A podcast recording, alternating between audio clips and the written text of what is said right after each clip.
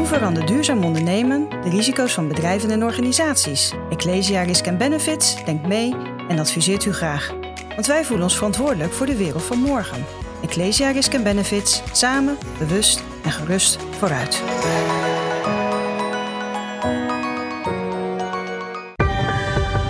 Ecosofie wordt mede mogelijk gemaakt door Renewy. Renewy. Minder nieuw, meer renew. Want afval bestaat niet. Hoe breng je economie, ecologie en filosofie in balans? Daarover gaat Ecosofie, de podcast waarin Marnix Kluiters in gesprek gaat met experts over het verduurzamen van de samenleving. De huidige economie is gebaseerd op transacties. Voor je iets wil krijgen, moet je er iets voor teruggeven en vice versa. Um, een radicaal andere kijk op een economie, dat heeft Robert Vasseur uh, van Geef Economie, geefeconomie.nl. Robert, jij bent in 2011 uh, destijds nog bankier bij de Triodos Bank uit het systeem gestapt. Jij wilde kijken of ja, je ook kan ontvangen zonder daar iets voor terug te geven en ook iets kan geven zonder dat je daarvoor verwacht dat iemand iets daarvoor hoeft te ontvangen. Um, een radicaal andere kijk op de economie heb je daarmee, die eigenlijk veel, heel erg uitgaat van een totaal ander mensbeeld, een goed mensbeeld, waarvoor we er eigenlijk uh, ja, voor elkaar zijn.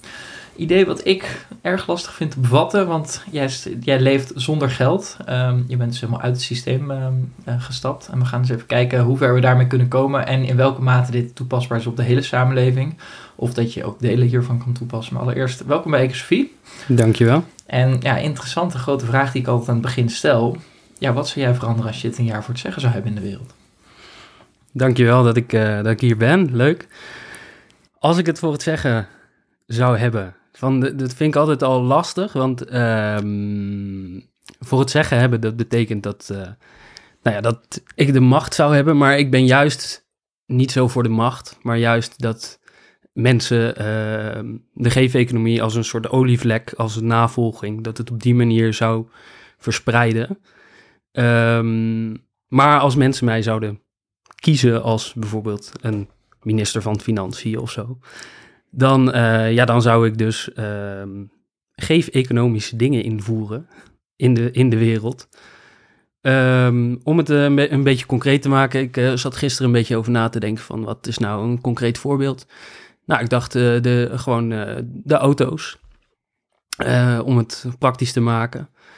Um, stel je voor, nou ja, nu alle auto's. Uh, ik geloof uit onderzoek blijkt dat uh, 1,2 persoon gemiddeld per auto uh, zit. Um, dan zie je dus hoe efficiënt het kapitalisme is, maar niet dus.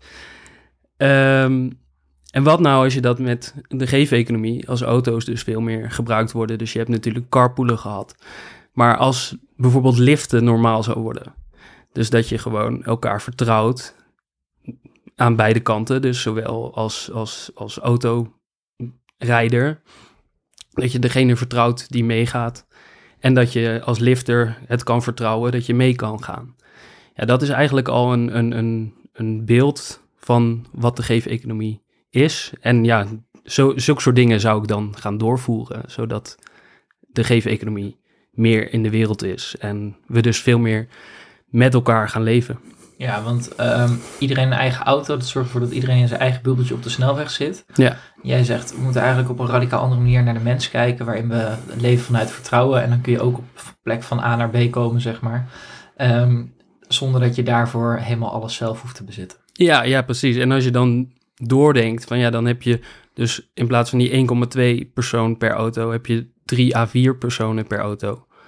Ja. Uh, dus heb je de helft of nog minder auto's nodig.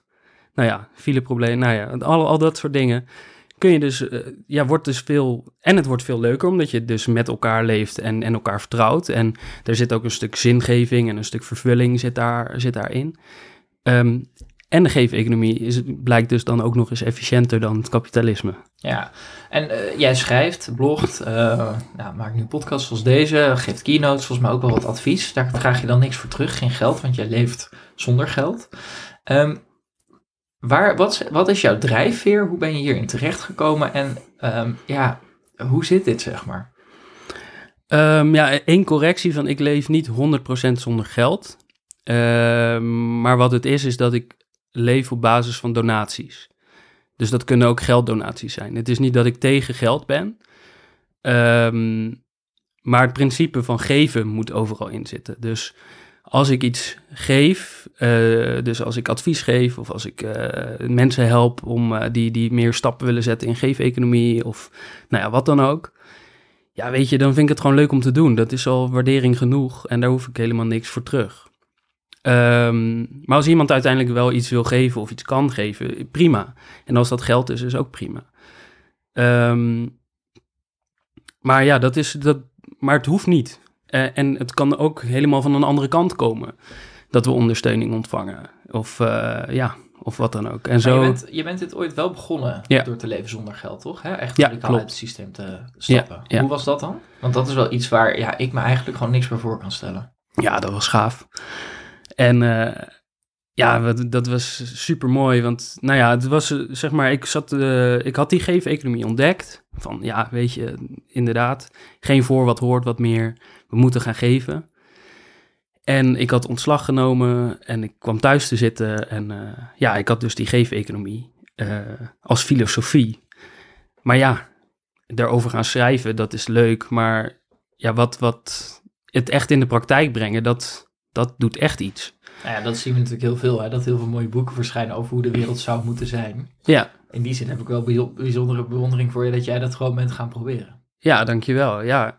ja, en in mijn inziens is dat ook de, de enige weg om echt iets te gaan doen. En ehm, dus wat ik, wat ik dacht, ik zat daarover na te denken van ja, wat nou, eh, ja, hoe kan dit nou in de praktijk eh, gaan werken? En toen dacht ik, ja, wat nou als iemand, wat nou als iemand alles weggeeft en gewoon vertrouwt dat er voldoende is? Wat nou als iemand dat doet? Ja, dat zou tof zijn, dacht ik. En toen, eh, en toen dacht ik van ja, wie, wie, zou dat, wie zou dat kunnen gaan doen? Dus het was echt, van ja, het, voor mij was het echt een te grote stap om dat zelf eigenlijk te gaan doen in eerste instantie. Dus ik, zag, ik zocht dat buiten mezelf en langzaamaan besefte ik van ja, als ik hierin geloof, ja, dan, dan moet ik deze stap gaan zetten. Ehm, en dat was doodeng, want ja, je gaat gewoon, ja, je gaat echt tegen de stroom in. Eh, maar ja, wat er gebeurde was, eh, was heel vet. Dus ik, ik deed dat. Dus ik, eh, ik had een huurhuis, dus ik zei mijn huur op. Ik gaf al mijn spullen weg. En, eh, en ik ging zonder geld leven. Ehm, en wat er gebeurde was dat dat verhaal ging rond. Dus dat ging best wel viral. En eh, ja, binnen no time had ik eh, van één huis wat ik zelf bezat, zeg maar, verhuurde, ging ik naar eh, tientallen huizen waar ik altijd welkom eh, ben, nog steeds. Dus mensen stuurden mailtjes van ja, hey Robert, wat, wat, wat mooi dat je dit doet en wat belangrijk en eh, je bent hier altijd welkom. Dus dat was, eh, ja, dat was geweldig om vanuit die, die angst die ik had, eh, om de stap te zetten naar ja, een warm bad eh, van, van, ja, van overvloed eigenlijk. Ja, want eigenlijk is een van jouw belangrijkste boodschappen dat we in het kapitalistische stelsel waar we in leven, hè, en waar je als systeem ook gewoon in, ja, toch ook wel in moet leven. Eh, nou, jij laat dan het tegendeel zien, maar goed, we gaan straks ook meer in of iedereen dit zomaar kan doen of, dan, of Ja. we dan toch een tamelijk groot probleem hebben. Eh, maar dat jij zegt, ja, dit hele systeem gaat uit van schaarste, Ja. terwijl er is gewoon overvloed, we zien het alleen niet. En op het moment dat ik deze stap zette, had ik dus van e- één naar geen naar alle huizen. Klopt. Ja, ja precies. En, eh, en, en niet zozeer naar alle huizen, want het is ook dat mensen een bepaalde mate van, van overvloed zelf moeten ervaren om dat te kunnen delen, zeg maar. Eh, dus er, er, is ook genoeg, er zijn genoeg mensen die hun eigen hachie hebben en dat beschermen, zeg maar. Eh, maar dat is inderdaad de overgang van een, een economie van schaarste naar een economie van overvloed. Dus inderdaad, als, dus als we het nu over huizen hebben, dus als we eh, onze huizen openzetten voor elkaar. Dan is ook bijvoorbeeld het hele huizenprobleem wordt een heel ander verhaal. Want daarmee kun je huizen veel makkelijker delen, omdat je veel makkelijker met elkaar kunt wonen. Ehm, en zo zijn er dus eh, ja, tal van dingen, voorbeelden wat, eh, wat totaal anders wordt als we op deze manier gaan leven. Ja, en jij was ergens mid 20 toen je deze stap zette. Ja. Gewoon eh, universiteit volgens mij doorlopen. Ja. Keurige carrière begonnen. Dan zat je ook nog bij een duurzame bank, de Triodos Bank. Ja. En toen deed je een gedachte-experiment van wat nou als we dus de samenleving opnieuw zouden opbouwen. Ja. Wat gebeurde er toen? Want daar kwam eigenlijk de hele, de hele insteek volgens mij vandaan van ik, ik kap ermee, hier heb ik geen zin meer in. Ja, klopt. Ja, ik had een bijeenkomst georganiseerd eh, voor collega- collega's bij, eh bij Triodos Bank met de vraag van eh, wat als wij zouden mogen zeggen hoe de economie eruit ziet. Wat is onze ideale economie? Dat was de vraag die voorlag van oké, bedenk alles, dus zeg maar alles wat er nu is, het hele kapitalisme is weg. En wij mogen nu, eh, acht collega's waren, wij mogen nu met z'n achten bepalen wat het gaat worden. Eh, nou ja, en daar ging de avond over om te filosoferen. En mijn collega's die waren heel snel bij... Ja, als je alles wegdenkt, dan ga je terug naar ruilhandel. Maar ja, hoeveel kippen ruil je tegen een koe? Ehm, ja, dan is het toch wel handig om een, om een meetinstrument te hebben, zoals geld. En nou ja, zo waren we voor mij alweer terug bij, eh, bij waar we in zitten. En toen opeens viel bij mij binnen van...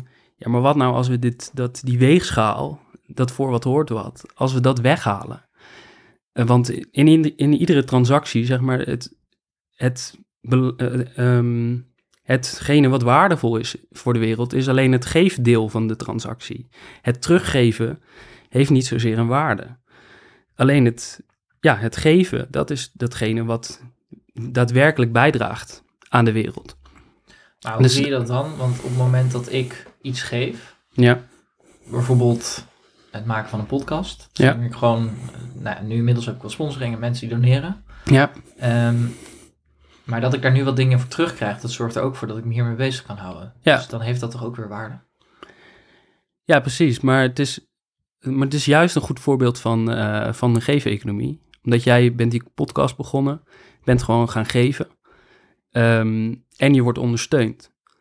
En dat is niet zozeer een transactie, maar dat is, dus, dat is geen voor wat hoort wat. Maar dat zijn mensen die geloven in wat jij aan het doen bent. En ondersteunen jou daarin. Ja, dus dat is wel goed om te markeren dat dat niet. ehm, eh, dat dit niet een. dat dit juist een, een voorbeeld daarvan is. Dat je. Ja, ehm, ja. eh, maar goed, tegelijkertijd ben ik ook wel altijd, omdat ik een goede baan had, kon ik het ernaast doen, et cetera. Ja. Ehm, maar dat is misschien ook wel de afhankelijkheid van het systeem waar we in leven. Dat ik dit dus alleen maar kon doen omdat ik niet in staat was om te geven, omdat ik anders. ehm, ja, mijn leven misschien drastisch had moeten omgooien. Ja, ja. Maar ja, misschien had je het wel kunnen doen. Van als je zoiets hebt van, ik ga gewoon die podcast maken. Nou ja, dat had ik, dus ik ben mijn hele leven daaromheen in gaan richten. Ja, precies. Maar je had ook, zeg maar, daarvoor had je niet per se die baan nodig. Je had ook kunnen, kunnen zeggen van, eh, ik ga weer bij mijn ouders wonen. Om dat te kunnen doen. Maar het is in ieder geval wel nu, de wereld is wel zo dat je dan eerst zelf offers moet brengen om dat, om dat te kunnen doen, ja. Eh, dus of, of je leven eromheen inrichten zodat je, zodat je dat kan doen. Of eh, ja, dus op een bepaalde manier moet je, moet je daarin meebewegen, ja. Ja, en dat gedachte-experiment werd gedaan. Jij denkt, nou, dat hele transactiestuk van de economie, dus dat voor wat hoort wat, als we Ja. daar eens mee gaan stoppen. Ja, Ik ga eigenlijk dat hele gedachte-experiment gewoon zelf uit, uitvoeren. Ja. Begin je heel radicaal mee, je geeft alles weg. Ik stel me voor dat je met zo'n jutezak dan nog wat spulletje hebt, misschien een tandenborstel en wel wat kleding, hoop ik. precies. Ehm, en je bent dat gewoon gaan doen, kijken of die overvloed beschikbaar is. Ja. Nou, daar kwam je een heel eind mee. Mhm. Als we even doorgaan naar nu. ehm, want nu, eh, ja, je, je start misschien eerst in die overdrive. Inmiddels zeg je, nou, ik leef ook alweer met geld.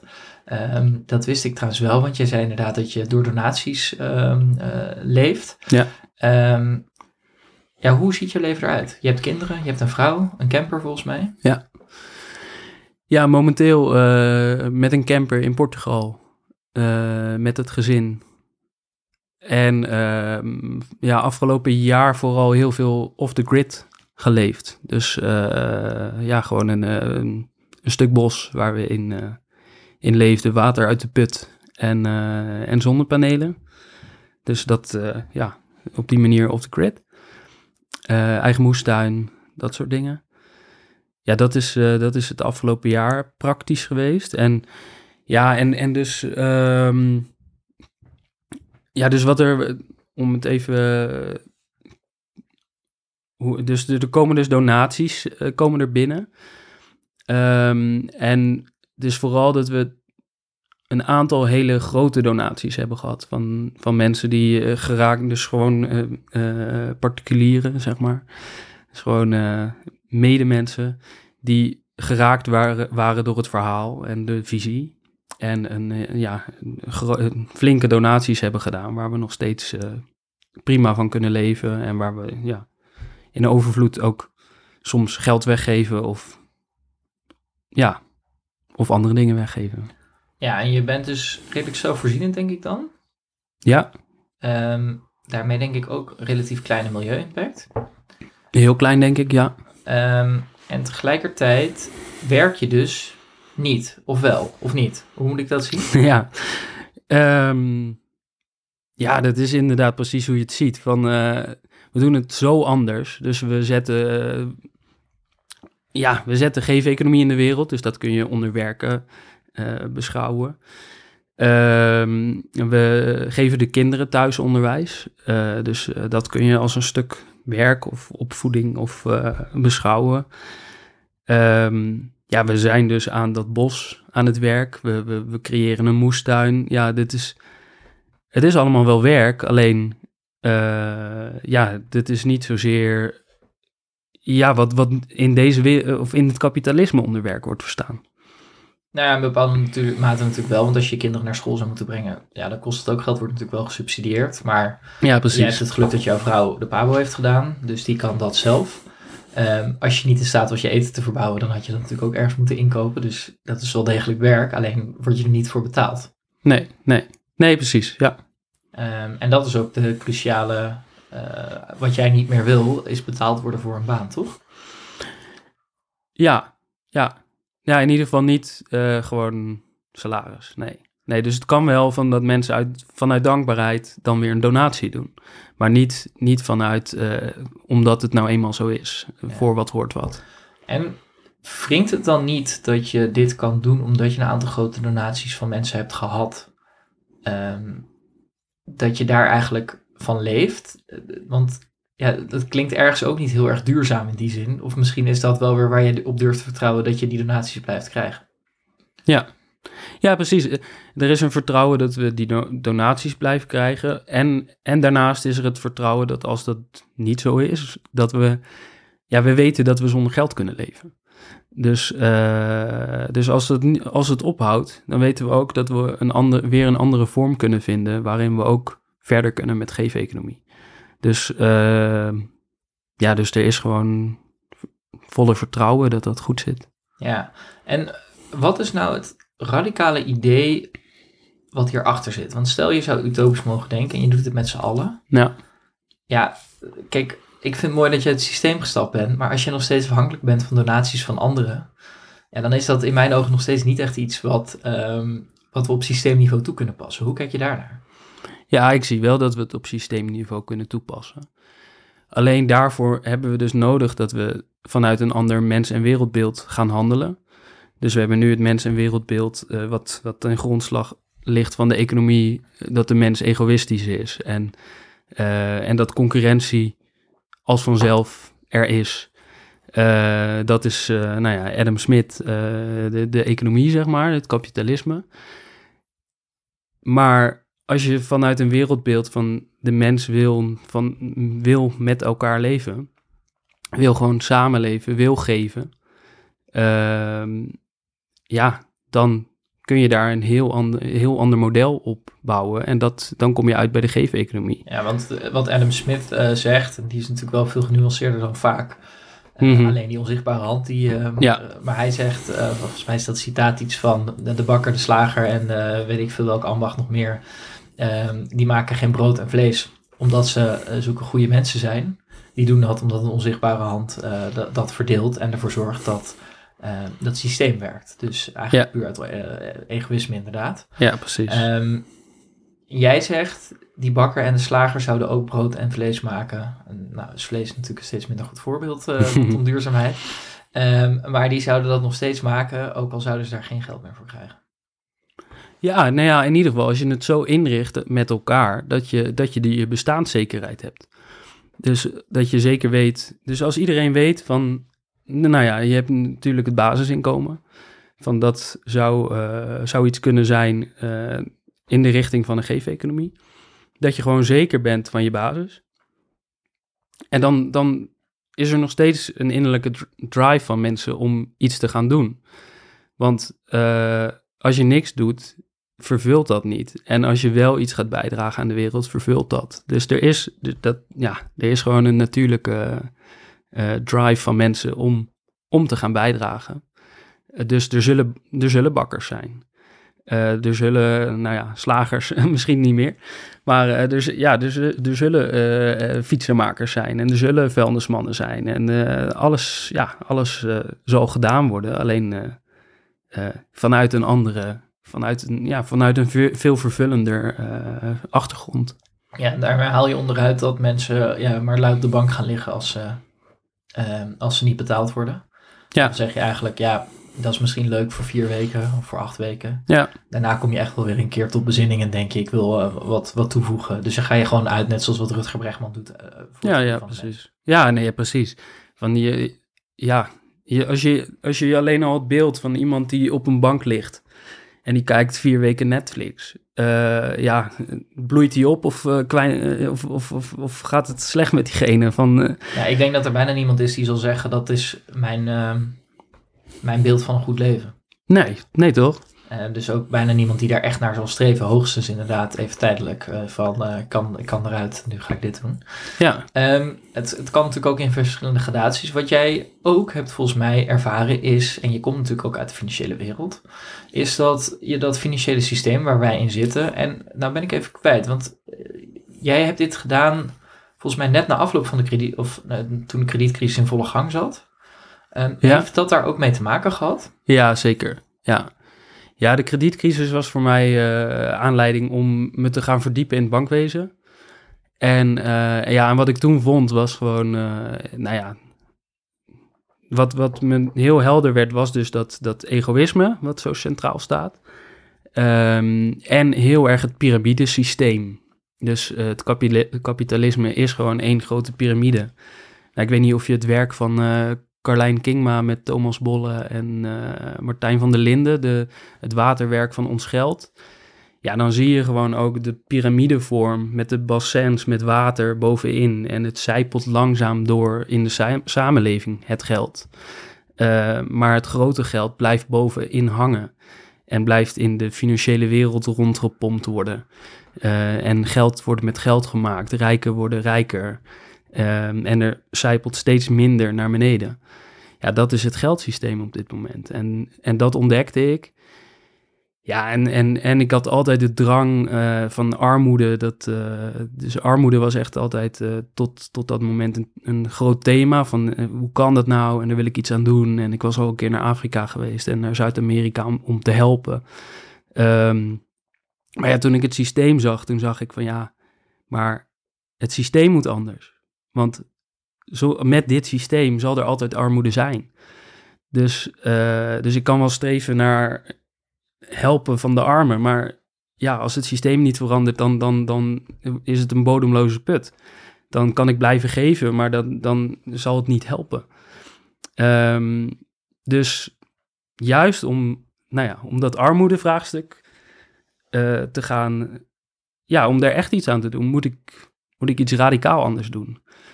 Dus zo kwam ik dus inderdaad, dat was de voedingsbodem eigenlijk uh, waar, waar geef-economie omhoog kwam. Ja, en dat geldsysteem, je, je ziet het dus als een failliet systeem. Um, volgens mij, als ik het goed las, was dat ook van jou. Denk jij dat dat ook met op best wel korte termijn een keer uit elkaar kan klappen? Waar gaat dat dan ja. aan liggen? Waar gaat dat aan liggen, dat het uit elkaar klapt, ja. bedoel je? Um, en wat voor een crisis verwacht jij? Waarom jij hier niet meer aan meedoet? Nou, wat ik verwacht is dat, uh, zeg maar, het, het, het wordt alleen maar erger en erger. Dat, uh, dat, uh, dat is ook inherent aan dat, aan dat systeem van die piramide. Dus de piramide wordt steeds, ja, ik weet niet hoe je qua vorm, maar de rijken worden in ieder geval steeds rijker en de armen steeds armer. Um, de aarde blijft, wordt uitgeput en eigenlijk alleen maar meer en meer. Want het moet ook groeien. Um, dus het is eigenlijk steeds, het komt steeds verder af van de natuur en ook van de natuur van de mens. Van wij, we zijn helemaal niet, eh, nou ja, het, het is meer, het is bijna robotisch uh, een systeem geworden. Terwijl wij zijn, wij zijn mensen van vlees en bloed en met een ziel en, en, en met, met verlangens en, en, en, en ja, dat is totaal anders. Dus voor mij ligt dat zo ver uit elkaar dat dat een keer, uh, ja, een keer moet gaan terugschieten, zeg maar. Um, dus wat, wat volgens mij gebeurt, is dat dat systeem meer en meer, ja, en ik weet niet wat voor termijnen, maar meer en meer zich vastdraait en nog ja, verder wegkomt van de natuur van de mens. Ja, en dat dat een keer weer in evenwicht moet gaan schieten. Ja, en dat kan alleen met, met een grote crisis eigenlijk. Ja, en een van die dingen waar je je tegen verzet is bijvoorbeeld de digitale euro. Ja. Ik heb me er zelf nog niet extreem in verdiept. Uh, tegelijkertijd zie ik daar ook wel een enorme kans in. Uh, aan de andere kant, iemand als Mahir Akaya, die ik ook geïnterviewd heb, uh, die, ja, die ziet daar enorme risico's in op het gebied van privacy, et cetera. Ja. Um, is dit dan een ver, verder gevorderd stadium van het systeem waarvan jij denkt, dit werkt totaal niet? En waarom gaat dit mis dan, juist met die digitale euro? Ja, precies. Ja, dat is, dat is precies wat ik zie, ja, met de digitale euro. Dus de, dus dat is. En want wat, wat, is die, wat houdt die digitale euro precies in? Je hoeft het niet, maar gewoon even nee, kort dat we een beetje snappen wat het is. Ja, digitale euro um, zal dus. Ik, een... ik, werk alleen nog maar met digitaal geld, dus ik moet, ja. ja, wat maakt dit nou anders? Nou, wat, wat, er, wat er nu gebeurt is dat dus digitale euro, dat, komt, dat is da straks centraal bankgeld. Dus dat is direct uitgegeven door de centrale bank. Um, als toevoeging nu op het geldsysteem. En dus dat betekent dat de, de macht eigenlijk nog centraler komt te liggen. Want geld, ja, geld is macht. Um, en wat er inherent is aan die digitale euro, is hij is digitaal en hij is uh, centraal gestuurd. En daarmee is die per definitie programmeerbaar. Um, en dat is, ja, dat is een moeilijk stuk. Want aan de ene kant, van ik, eh, ik heb jou wel eens horen zeggen over het CO2-budget. Van dat is wel een goede, goede kant op, eh, als ik het goed, uh, nou ja, wat, wat, ik vind is dat mensen die rijk zijn, die over het algemeen een hele grote CO2-voetafdruk hebben. Uh, terwijl, ja, mensen die, uh, over het algemeen is er een lijn te zien tussen uh, mensen die armer zijn versus mensen die rijker zijn. Dat mensen die armer zijn een kleinere ecologische footprint hebben dan mensen die rijk zijn. Ja. Dat merk je natuurlijk zelf ook. Je leeft zonder geld en nou ja, dat jouw footprint is minimaal. Terwijl als je een heel groot huis moet hebben, als je een hele grote consumptiestel hebt, ja. Ja, dan moet daar heel veel voor geproduceerd worden. En voor productie is een impact op de natuur en CO2 nodig. Ja. Um, dus ik denk dat daar interessante kansen liggen. Tegelijkertijd denk ik dat er ook enorme risico's liggen. Uh, maar het zijn denk ik wel de goede discussies om te voeren. Um, en daarom ben ik ook wel benieuwd waarom jij daar uh, toch ook je behoorlijke kanttekeningen bij ziet. Ja, nee precies. En ik ben het eens met die, uh, met die voetafdruk, die moet gewoon omlaag. We moeten gewoon meer, nou ja, meer gaan zorgen voor de natuur. En met, met de natuur gaan leven en niet los van de natuur. Zoals we nu doen. Um, nee, en die kanttekeningen zitten in, in die programmeerbaarheid van die digitale euro. Um, en er wordt nu gezegd, van, ja, weet je, dat het wordt niet programmeerbaar en uh, contant geld gaat niet weg en nou, dat soort dingen, zeg maar. Um, maar waar ik een beetje huiverig voor ben, is, uh, is wat ik zeg van, ik zie wel voor me dat, dat er meer crisissen gaan komen. Um, en, en waar ik wel van geschrokken ben, is dat, ja, is dat hoe makkelijk uh, grondrechten uh, kunnen worden, opzij kunnen worden geschoven in crisistijd. Um, en in die zin, als, de, als dat gebeurt bij de digitale euro, met, met de programmeerbaarheid die daarin zit, ja, dan is het gewoon één groot controlesysteem uh, wat, wat daarin mogelijk is. Ja, want we hebben natuurlijk wel gezien dat eh, als er infrastructuur ligt, dan kunnen we die gebruiken en dan vaak, um, uh, ja, when the shit hits the fan, dan, dan wordt ineens alles opzij geschoven en dan mag er veel meer dan we eigenlijk hadden bedacht van tevoren. Precies, en als je dan ja, die programmeerbaarheid hebt... wat is er dan zo fundamenteel mis met die programmeerbaarheid? Wat, wat kan nou, er gebeuren, zeg maar? Nou ja, we- er kan echt van alles dan mee, zeg maar. Van, dus je hebt inderdaad CO2-budget, dat is dan nog eentje waar je het met elkaar over kan hebben.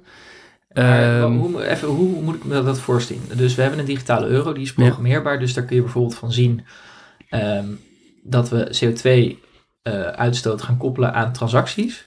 Ja, Ehm, en dan dat er op een gegeven moment een overheid is die zegt: ja, het klimaatprobleem wordt nu zo groot. We programmeren zo in dat als jij dus een transactie doet waarbij heel veel CO2 gepaard gaat, dan computer says no.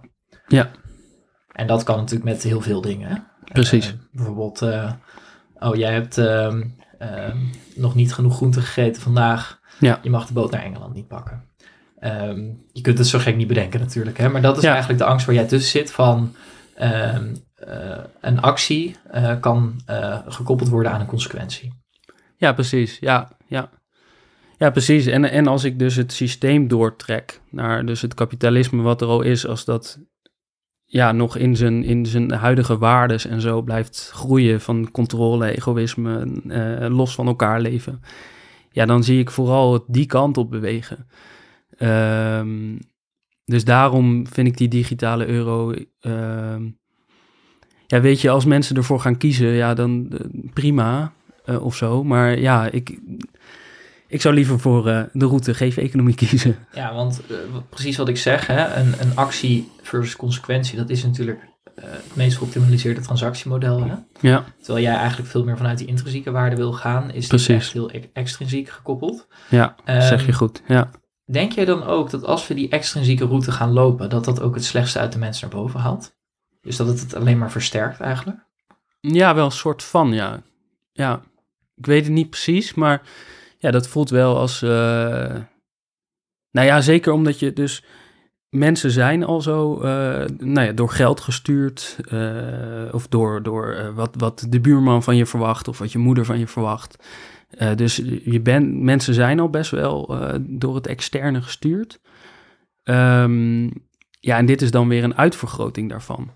Van dat het nog meer, nog meer extern is en nog minder gewoon vanuit jezelf eh, in de wereld staan en bijdragen.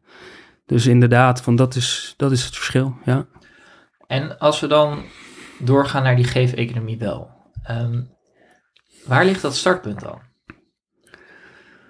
Ehm, ja, ja, het startpunt ligt dus dat bij dat mensen het, het zelf meer en meer gaan doen. Dus het gaan verkiezen boven, eh, boven het huidige systeem. Ja, en dat vind ik een interessante koppeling, want eh, we, we, er zit hier nu iemand tegenover mij die zegt zijn baan op, zijn huur op en Ja. die zegt uh, toeledoki.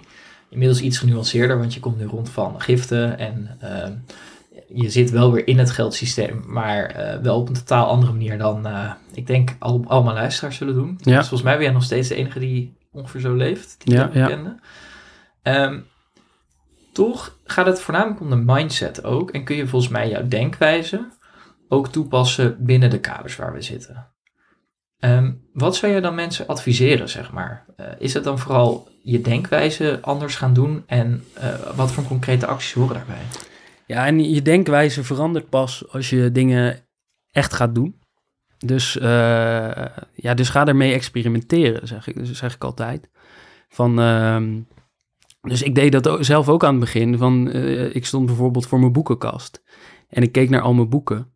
En ik zag allemaal van, ah, dat is een tof verhaal. En die is, dat is een mooi boek. En, en toen opeens van, maar waarom staan ze hier?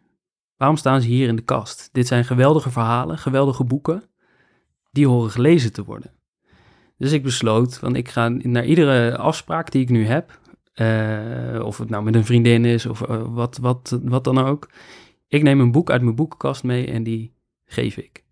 Want daarmee komen die boeken, die mooie verhalen, komen weer de wereld in. En blijven niet hier in mijn kast hangen. Ehm, dus dat was een voorbeeld. Maar was ook een moment dat ik zoiets had van... ehm, dat ik ja, van ik was zelf aan het gewoon aan het eh, filosoferen van wat kan ik nou allemaal doen. Toen dacht ik, nou, wat nou als ik een, een, een dakloze gewoon eens echt een goede donatie doe. Dus niet, niet een eurotje, maar gewoon een keer 50. Ehm, en ik dacht, ja, nou ja, dat ga ik nu dan ook doen. Dus ik heb de fiets gepakt. Eh, ik woonde ehm, rond Utrecht, dus ik ben met de fiets naar Utrecht Centraal gefietst. En ik had al het beeld van, oké, die daklozen, die, eh, die, die ga ik de 50 euro geven. Dus nou ja, ik wist al waar die zat. En, eh, eh, dus ik loop naar hem toe en ik geef hem in één keer die 50 euro. En dat zijn allemaal momenten dat je gewoon, ja, je doorbreekt gewoon bij jezelf dingen. Dus waarbij je eerder gewoon het anders deed, doe je, ja, doe je nu dus dit. En, en ja, dat, dat, dat voelt dan, geeft daarna ook een soort kick. Dus terwijl, ja, het is gewoon ook gek of zo. Van ja, je geeft 50 euro en, en dat geeft een kick. Eh, van doe je het eigenlijk toch voor jezelf? Nou ja, gebeurt van alles. Maar ehm, ja, doordat het, nou ja, is altijd buiten je comfortzone dingen doen. Daarmee rek je dat beeld op en, en ja, gooi je dingen over, overhoop. Uh, dus daarmee, ja, daarmee wordt het vanzelf, gaat het verschuiven. Maar dat is, zit, zit dus niet zozeer in het denken, want als je alleen maar denkt van ja, ik heb, ik heb dat wereldbeeld al, of zo, van dat, ja, dat schiet gewoon niet op. Het is echt gewoon een kwestie van praktiseren. Ja, maar wat ik, waar ik jou ook over hoorde, was bijvoorbeeld dat je op een terras zat en een kopje koffie had gedronken voor 2,50, maar daar, weet ik veel, twee uur had gezeten. Ja. En 10 euro betaalde. Dus Ja. dan geef je 7,50 voor je. Ja. Wel bij de meeste mensen die denken aan 10% en niet aan 300%. Ehm, dat is ook een voorbeeld van eh, waardering uitspreken, denk ik. Ja, zeker. Ja. Nee, dus eh, dat soort dingen, ja. Van ook een keer eh, bij een restaurant wat net begonnen was. En dan gewoon het dubbele betalen van wat... gewoon omdat het zo leuk was, zo goed. En, en, en daar die, die energie die je daarin voelt ook gewoon in geld uitdrukken. Dus daarmee wordt dat geld juist ook... eh, krijgt die, die geefenergie. Eh, dus daarmee ja, dus daarmee is dat geld, eh, transformeer je dat geld ook. In plaats van dat je dus daarin een soort tekort, laat je het ook overvloedig stromen. En hoe gaat het dan met wederkerigheid? Want een van de basismorele principes die ja, volgens Chi Chu, die ik ook sprak, zijn ontdekt ongeveer in alle culturen, dus ook universeel zijn, is wederkerigheid. Ja. Nou, dat lijkt een soort transactie, maar dat kun je natuurlijk ook weer anders invullen. Dat als jij dus iets geeft, dat ehm, een soort emotionele bankrekening wordt opgebouwd bij de tegenpartij, dat ze de volgende keer denken, nou, die geven weer wat terug. Ja. Ehm, speelt het dan juist, of gaat dat juist tegen dat idee van wederkerigheid in, of gaat het er juist in mee? Ja, wederkerigheid. eh, nee, dat is, dat is wat er gebeurt, ja. Van met geven, wat er, wat er ontstaat, is een relatie. Ehm, en juist wat je met een transactie doet, is dat je juist de relatie niet aangaat. Ja, je maakt hem direct af. ja, precies. Dus de relatie hoeft niet te ontstaan omdat je de wederkerigheid in één moment finaliseert. Ja, precies. Ja. Ehm, en met geven en ontvangen ontstaan dus veel meer relaties. En, ehm, en dat kun je dan ook weer van in, in het huidige systeem zou dat dan meer schuldrelaties van oh, ik, ik, moet, ik moet die ook nog een keer uitnodigen. Want eh, vorige keer heb ik bij, eh, bij hem gegeten, dus nu moet ik hem uitnodigen, zeg maar. Zo zit het in het kapitalisme, dus het, dan ontstaat meer schuld. Ehm, en in de geefeconomie kan dat ook ontstaan, alleen veel meer vanuit dankbaarheid. Van, hey, het was zo tof dat, ik- dat ik bij hem gegeten heb. Ik vind het ook tof om hem een keer bij mij uit te nodigen. Dat is totaal andere energie, maar wel dezelfde, eh, ja, dezel, in de vorm dezelfde uitwisseling, maar in, in, in, in energie dus iets anders. Ja, en daarvan zou jij dus zeggen eh, dat de natuurlijke drijfveren van de mens moeten daarin eigenlijk veel meer gaan benutten. Ja, ja. Dan ben ik ook nog wel even benieuwd. Hè? Stel, we zouden dit gaan toepassen op werk. Eh, toch de meeste mensen werken een uurtje of 40 per week. Dat Ja. is toch een van de hoofdmanieren hoe we ons leven hebben ingericht. Dat is dus vaak ook voor geld. Ja. hoe zie jij dat dan voor je? Hoe die hele arbeidsmarkt in elkaar zit? Zo, dat is een leuk onderwerp. Ja, Ehm, want als we wel wezen, jij rijdt ook een camper. Ik gok dat die eh, niet elektrisch is. nee, Ik zie nog niet helemaal voor me hoe oliemaatschappijen olie uit de grond halen en daar dat jij hun dankbaar bent en dat zij jou dankbaar zijn en dat dat zonder een transactie zeg maar tot stand komt. Dat lijkt me toch wel vrij complex. Dus ja, ehm, ja, daar, we zullen ook op een bepaalde manier ehm, in een wereld met 8 miljard mensen eh, moeten kijken hoe we dat kunnen regelen. En dan kun je misschien zeggen van ja, ik ben zelfvoorzienend. Eh, op een gegeven moment kun je ook eh, weer lokaler gaan wonen, dan heb je misschien ook helemaal geen fossiele brandstoffen nodig. Maar ja, jij hebt ook weer zonnepanelen waar ook weer Ja. zeldzame metalen voor nodig zijn. Jij werkt niet. Ja, dit soort vragen, hoe kijk je naar dit soort thematiek? Ja. ja, ik wil eerst even terug naar... Dus het is inderdaad een hele, hele puzzel dan, inderdaad. Eh, maar eerst even terug van, eh, eh, naar dus de arbeidsmarkt, werk.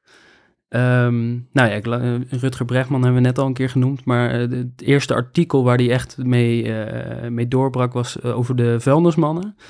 Ja, waarom vuilnismannen meer verdienen dan bankiers. Ehm, en in dat stuk, ik las het pas nog een keer terug, heeft hij het over Keynes, die zegt van ehm, eh, eigenlijk gaan we eens naar eh, ja, zeg maar 2030. Eh, we worden steeds efficiënter. Eh, we hoeven straks in 2030 allemaal nog maar 15 uur per week te werken. Eh, nou, we zijn nu in de buurt van 2030 en we werken meer dan ooit. Ja, want hij schreef dat artikel geloof ik in 1930 en hij zei, nou, als we deze lijn doortrekken met eh, efficiënter worden, Ja, dan is de 40-urige werkweek, of weet ik veel waar ze destijds op zaten, als je die doortrekt, dan komen we in 2030 op, op 15 uit. ja, Nou, daar haal jij misschien wel met jouw levensstijl, maar ja, ja. de meeste mensen niet. Nee, precies, maar het is wel haalbaar. Eh, want als je dus de, de bullshit jobs, dus de, de, de, de banen die eigenlijk niets toevoegen eh, aan de wereld, als je die allemaal weg zou halen en, ehm, en we gaan dan het weer, werk wat overblijft, dat verdelen we, ja, dan kom je eigenlijk aan ongeveer twee werkdagen. Eh, dat is een beetje eh, ge- ingeschat, zeg maar, van, van, mij, eh, hoeveel dat zou zijn. Maar we kunnen dat dus, het is vooral een kwestie van, als je het gewoon, ehm, ja, als je gewoon kijkt van, we kunnen dit gewoon totaal anders inrichten. Nou, ik sprak Paul Schendeling ook, die heeft nu een boek geschreven over eh, een economie van genoeg. Ja, Eh, er is leven naar de groei, heet dat boek. En hij pleitte ook voor een progressieve belasting op consumptie. En hij zei ook, als we niet meer al die materialen nodig hebben en je stopt met verspillen, dan gaat er eigenlijk voor al het werk wat dan niet meer nodig is, kun je zo'n dag arbeid voor iedereen wegschrijven. ja precies. Ja, nou ja, precies. En als je dan eh, bijvoorbeeld van, eh, je hebt nu alle managementpyramides.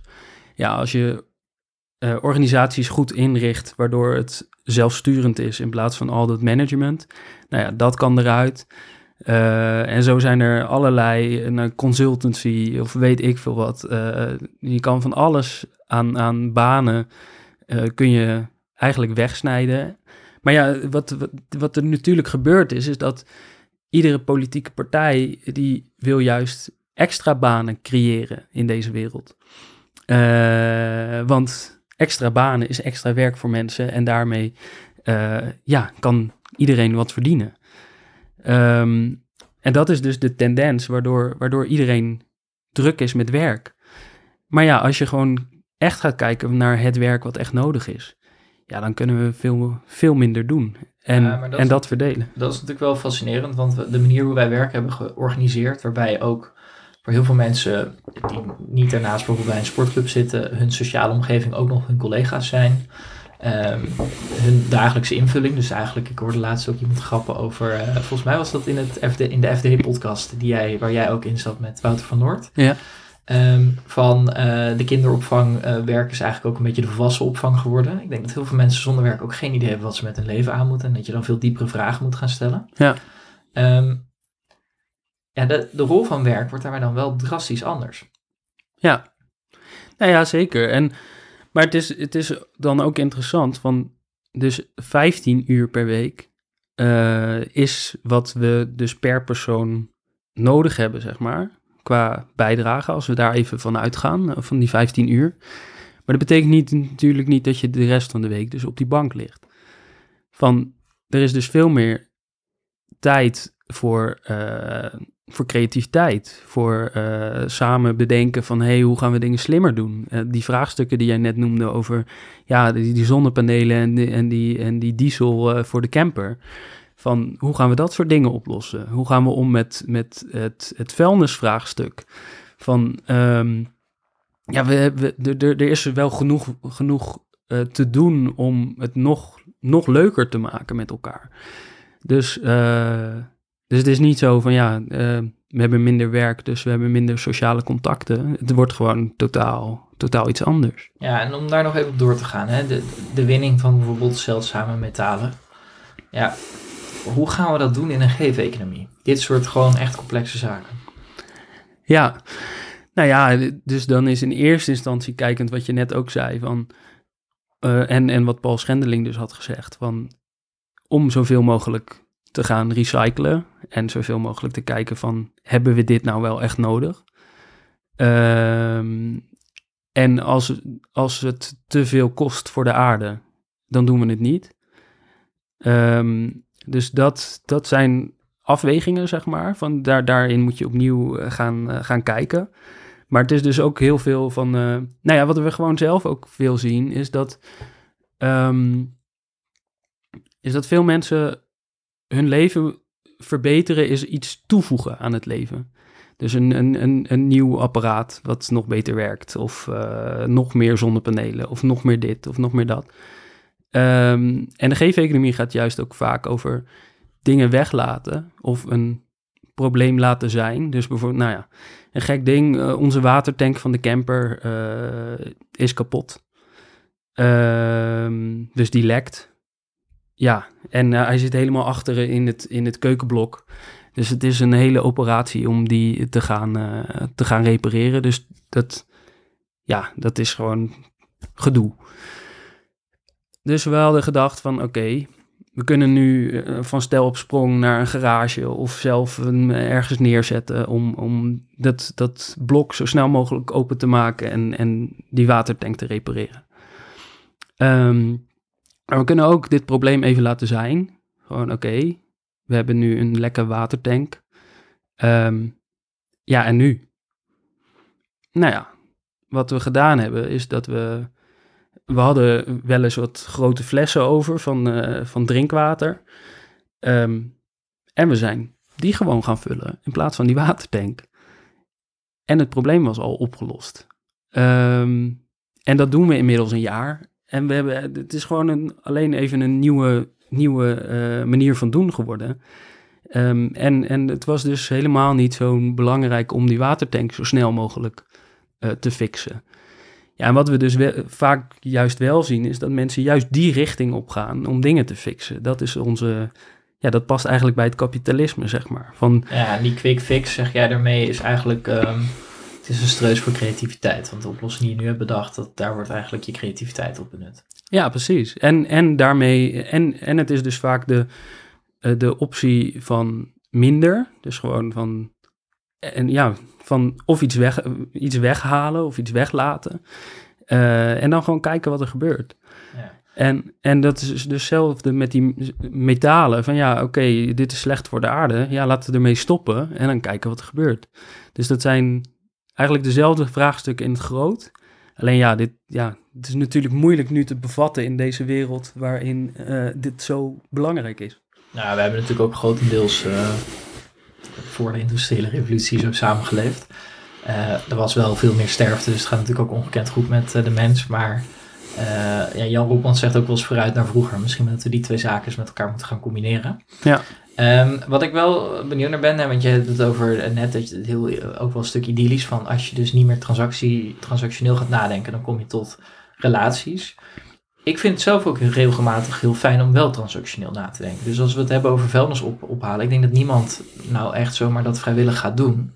Uh, ik denk wel dat je mensen daar goed voor mag betalen. Maar dan is het ook wel fijn dat iemand um, daar accountable voor gehouden kan worden, omdat hij daar een bepaald bedrag voor ontvangt. Ben je dan ook tegen dat soort dingen? Want op zich is het toch ook niet slecht om um, die relatie daarmee wel af te knijpen, maar mensen ook gewoon goed te betalen voor bepaalde zaken. Nou ja, zeker. Maar het is dan ook van. Uh, dus we hadden het net al een keer over basisinkomen. Maar als je bijvoorbeeld dat, dat idee van je basis is gegarandeerd, of dat nou via basisinkomen is of op een andere manier. Maar als voor iedereen zijn basis gegarandeerd is, uh, dan leven we dus in een veel in een heel andere wereld al. Van dan, dan heb je niet meer de stress van ik moet rondkomen. Um, en nou ja, als ik, als ik voor mezelf spreek, van als we in die wereld terechtkomen, vind ik het prima om, eh, om in die wereld een dag per week eh, het vuilnis mee op te gaan, gaan halen. Want die wereld is me super veel waard eh, om, om daar te zijn. En ja, dan, dan zou ik zo'n taak bijvoorbeeld prima, prima willen bijdragen. Ja, En ik denk dat er zo meer met, me, met mij zullen zijn. Waar veel mensen bang voor zijn, is dan freeriding gedacht. Dat dan in een totale groep van mensen dan misschien een aantal zijn die dit doen. En anderen denken van, nou ja, prima dat jij dat doet, doe ik lekker niet. Ja, Ehm, de vraag is alleen of je hele systeem moet inrichten op de mensen die slecht zijn. Wat we nu natuurlijk wel vaak doen. Ook eh, als je ziet hoe er met fraudebestrijding bijvoorbeeld om wordt gegaan. Ja. Toeslagenaffaire, et cetera. Of dat je inderdaad ehm, een bepaalde freeriding gedrag voor lief neemt. En het grootste deel van de groep misschien wel gewoon vertrouwt. nou ja, precies. En, en dus andersom, eh, anders gaan kijken ernaar. Van, jij bent degene, door jou, doordat je aan het bijdragen bent, jij bent degene die gelukkig bent ervan. Jij bent degene die vervuld raakt. Die freerider, die we al eerder op de bank zagen, van, die ligt daar dan vier, vier weken op de bank. Ja, diegene is niet vervuld. Jij bent degene die wel vervuld is. Dus je, je geeft een voorbeeld aan diegene van, hey, als je, als je die bank nog een keer af wil, van dit is de weg om, eh, om, om je weer beter te voelen, om je vervuld te voelen. Ja. Als we het nou hebben over concrete maatregelen, hè, want we hebben eh, ja, jouw idee over de gegeven-economie wel gehad. Je bent zelf dan uit het systeem ge- gestapt. Ehm, als we het toch wat meer op politiek niveau ook hebben, ehm, dan hoor ik je veel praten over een basisinkomen. Is dan het enige wat jij, eh, waarvan jij dat, eh, ja, waar je aan zit te denken, is een basisinkomen dan het meest concreet? Of zijn er nog andere maatregelen? Want ja, ook bij een basisinkomen blijft natuurlijk altijd de vraag hoe we dat gaan financieren. Ja, Ehm, wat, wat voor zaken zijn er nog meer waar we aan kunnen draaien om eh, wat meer binnen die levensvisie van jou te gaan leven? ja een, een, aantal, een aantal dingen die, eh, die al in de goede richting gaan zijn eh, true price. Dus de, de, de echte prijs, dat product in de winkel een echte prijs. Dus waarin vervuiling en alles wordt meegenomen. Dus waardoor eigenlijk automatisch, biologisch goedkoper zal worden dan gangbaar. Maar dan blijft het nog steeds transactioneel. Klopt, maar dan zit je, dat zijn dan wel, eh, ehm, dat zijn dan wel stappen in, in de goede richting, zeg maar. Van daarmee is het wel dat eh, datgene wat er werkelijk aan de hand is, dat wordt dan wel eh, al meer zichtbaar. Ehm, en daarmee komen dingen al wel in de, in de goede richting, zeg maar. Maar nee, het is geen geef-economie, dat klopt. Maar dat is wel, dus dat, dat zou iets zijn, een basisinkomen of, of dus of een inkomen, of dat je gewoon voelt van ja, eh, of dat er gewoon regels zijn van ehm, er is sowieso huisvesting voor iedereen.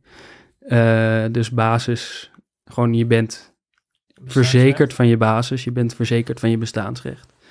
Ehm, dat zijn, eh, dat zijn, ja, dat past, dat is nog meer de geef-economie. Ehm, maar zo'n true price is wel een goede, goede richting. En wat ook, eh, dus meer qua geldsysteem. eh, dus Mahir Alkaya, die zit echt, eh, die doet echt heel goed werk. Ehm, ook met de depositobank. Ik weet niet of je dat Nee. kent. Ehm, maar nu is het zo, dus om kort uit te leggen. Nu is het zo dat als jij je geld bij een bank zet, dan kan een bank daar gewoon mee gaan beleggen. En dat doen ze ook. Dus het eh, gaat in allerlei potjes, in, eh, in, in hypotheken, in allerlei leningen en, eh, en dat Ja, soort Het is dingen. heel grappig eigenlijk, hè? want je kunt dus kiezen om te sparen of te beleggen. Alleen als je spaart, dan belegt de bank er alsnog mee. Precies, precies. En de meeste mensen weten dat niet eens. Maar dat is wat er met je geld gebeurt. Ehm, en we, we zijn dan zelf altijd bezig met die rente. Van, oh, wat goed dat we rente hebben en zo. Maar eigenlijk weten we helemaal niet waarom we rente hebben. Maar dat is dus door het rendement wat banken maken weer op die, op die leningen. En wat Depositobank doet, is ehm, eh, dat zeg maar, je hebt, dit heet dan eh, fractional reserve banking. Dus een, dus een bank houdt maar een kleine reserve aan en de rest mogen ze allemaal uitlenen. En uh, depositobank is full reserve banking. En dat betekent, als jij 1 euro bij de bank zet, dan gaat die 1 euro in de kluis. Ja, dus als er een bankrun komt, dan is dat geen enkel probleem. Nee, want dat geld ligt er gewoon. En uh, waarom is dit nou goed? ehm, nou, dit is goed omdat jij bepaalt dan weer waar jouw geld naartoe gaat. Dus daarnaast kun je natuurlijk allerlei dingen gaan maken eh, waar jij je geld naartoe kan laten stromen. Maar dan bepaal jij weer waar je geld naartoe gaat. In plaats van een partij die eh, op dit moment gewoon aandeelhouderswaarde. Uh, dus alleen maar financiële waarde als, als, ja, als hoogste goed heeft. Dus daarmee gaat het naar de meest winstgevende dingen. En gaat het naar wapenhandel. En gaat het naar oliepijpleidingen en weet ik het wat allemaal. Um, en zitten we dus in een, in, een, in een cirkel van steeds meer winstmaximalisatie. En dat is gewoon niet goed voor onze maatschappij en hoe we met elkaar omgaan. En zijn de kosten van zoiets dan niet heel hoog? Omdat ja, nu kun je dus ook rente krijgen, omdat de bank het weer uit kan lenen en er rendement op kan maken. Ja, nou, dat valt wel mee. Dus uh, als je gewoon met, met de huidige techniek en alles, uh, van ja, dat is prima op te zetten. Dus Mario Kaya die heeft ook uh, voor een, een nationale depositobank, dus vanuit de overheid, ja, neergezet. Dus de overheid heeft nu, nu natuurlijk een aantal banken in, in portefeuille, om het zo maar te noemen. Um, en hij was voorstander, of hij heeft de, de motie ook ingediend om een nationale depositobank op te richten. En die is niet programmeerbaar, gok ik dan? Die is niet pro nee, precies. Dus, en dat is ook wel weer interessant, want de digitale euro die heeft aspecten van die depositobank. Alleen ja, de digitale euro heeft dus wel die programmeerbaarheid en die de depositobank um, ja, niet. Ja, dat, heb ik bij die digitale euro ook begrepen, dat het ook een soort vervanging kan zijn in die zin van contant geld. Want ja. als jij contant geld hebt in je portemonnee, dan kan niemand daar natuurlijk mee beleggen. Nee. Uh, maar dat die programmeerbaarheid daar uh, nu aan toegevoegd wordt. Precies, precies. Want dat, als, als dat het zou worden, dan is het een super mooie toevoeging aan het geldsysteem. Want daarmee haal je dus dat aspect van dat, dat banken dus dat allemaal maar kunnen beleggen en, en, en dus die winstmaximalisatie kunnen nastreven. Uh, dat monopolie daarop, dat, dat haal je daarmee uh, eruit. Uh, dus dat is echt, ja, dat zou echt supergoed zijn. Um, dus er is, er is ook een, een, een particulier initiatief geweest met Paul Buitink en Richard van der Linden hebben dat geïnitieerd. Dus de depositobank. En die is, uh, die is destijds in de Kamer aangenomen, uh, unaniem. Dus gewoon de hele Kamer was voor. Alleen minister van Financiën Hoekstra destijds, die, die heeft er toen een stokje voor gestoken. Um, dus, want dan moet er een nieuwe bankvergunning komen. namelijk waarin wordt gesteld dat, dat fractional reserve banking dat dat geen must is. Dat is momenteel, als je een bank opricht, is dat een must dat je dat doet. Dus dat je gaat beleggen met het geld van de spaarders. Ja, er zullen ongetwijfeld ook voordelen bij zijn, want je haalt op deze manier ook heel veel geld uit de economie. Dus ik weet niet wat daar precies de nadelen van zijn, maar daar kan ik misschien beter met iemand anders een keer over doorpraten. Ja, precies. Ja. Um, er zijn waarschijnlijk, volgens mij heeft hier daar ook een boek over geschreven, maar dat weet ik even niet helemaal zeker. Um, ik heb nog even één vraag aan jou. Ja, ja. Uit het systeem gestapt, toch met mooie dingen bezig. Je hebt mensen die jou vertrouwen, die zeggen tof, donaties. Zou iedereen zo kunnen leven zoals jij doet? Ja. En van wie krijg jij dan je donaties? Nou ja, dan misschien is, ehm, of zeg maar, als je het ultiem doorvoert, dus als iedereen gaat geven, ja, dan, dan kan geld verdwijnen.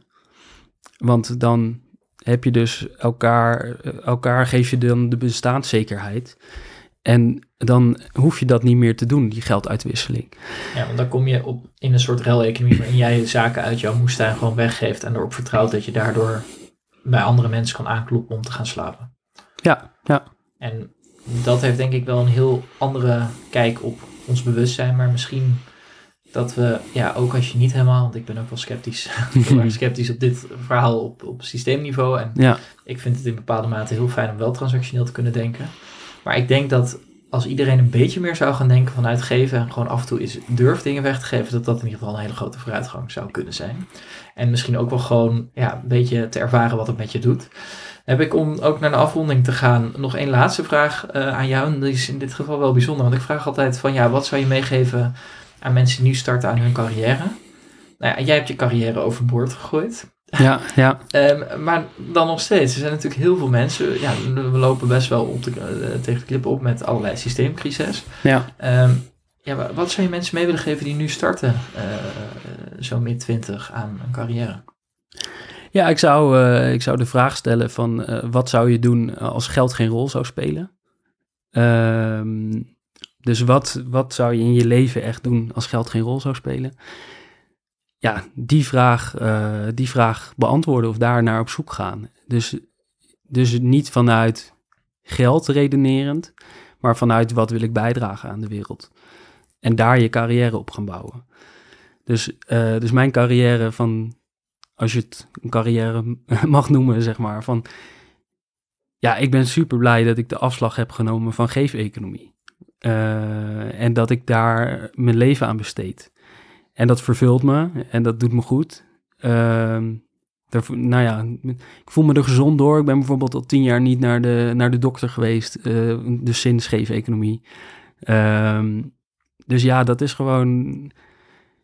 Ja, dat is de richting, zou ik zeggen. Van, uh, dus doe wat, wat, wat goed bij je past en zet dat in de wereld. Ja, ga daar dan misschien geld bij zoeken. Als je dat helemaal voor jezelf hebt ingekleed. Of durft er zelfs op te vertrouwen dat er uiteindelijk wel geld uit voortvloeit. Ja, precies. Als jij gewoon datgene. Als jij een mooie bijdrage aan de wereld hebt, dan komt dat geld wel.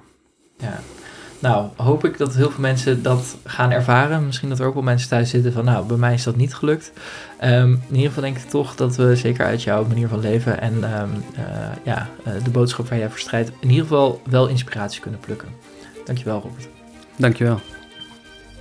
Wil je de interviews terugluisteren met andere CEO's, politici, wetenschappers en activisten of meer weten over Ecosofie? Kijk op ecosofie.net.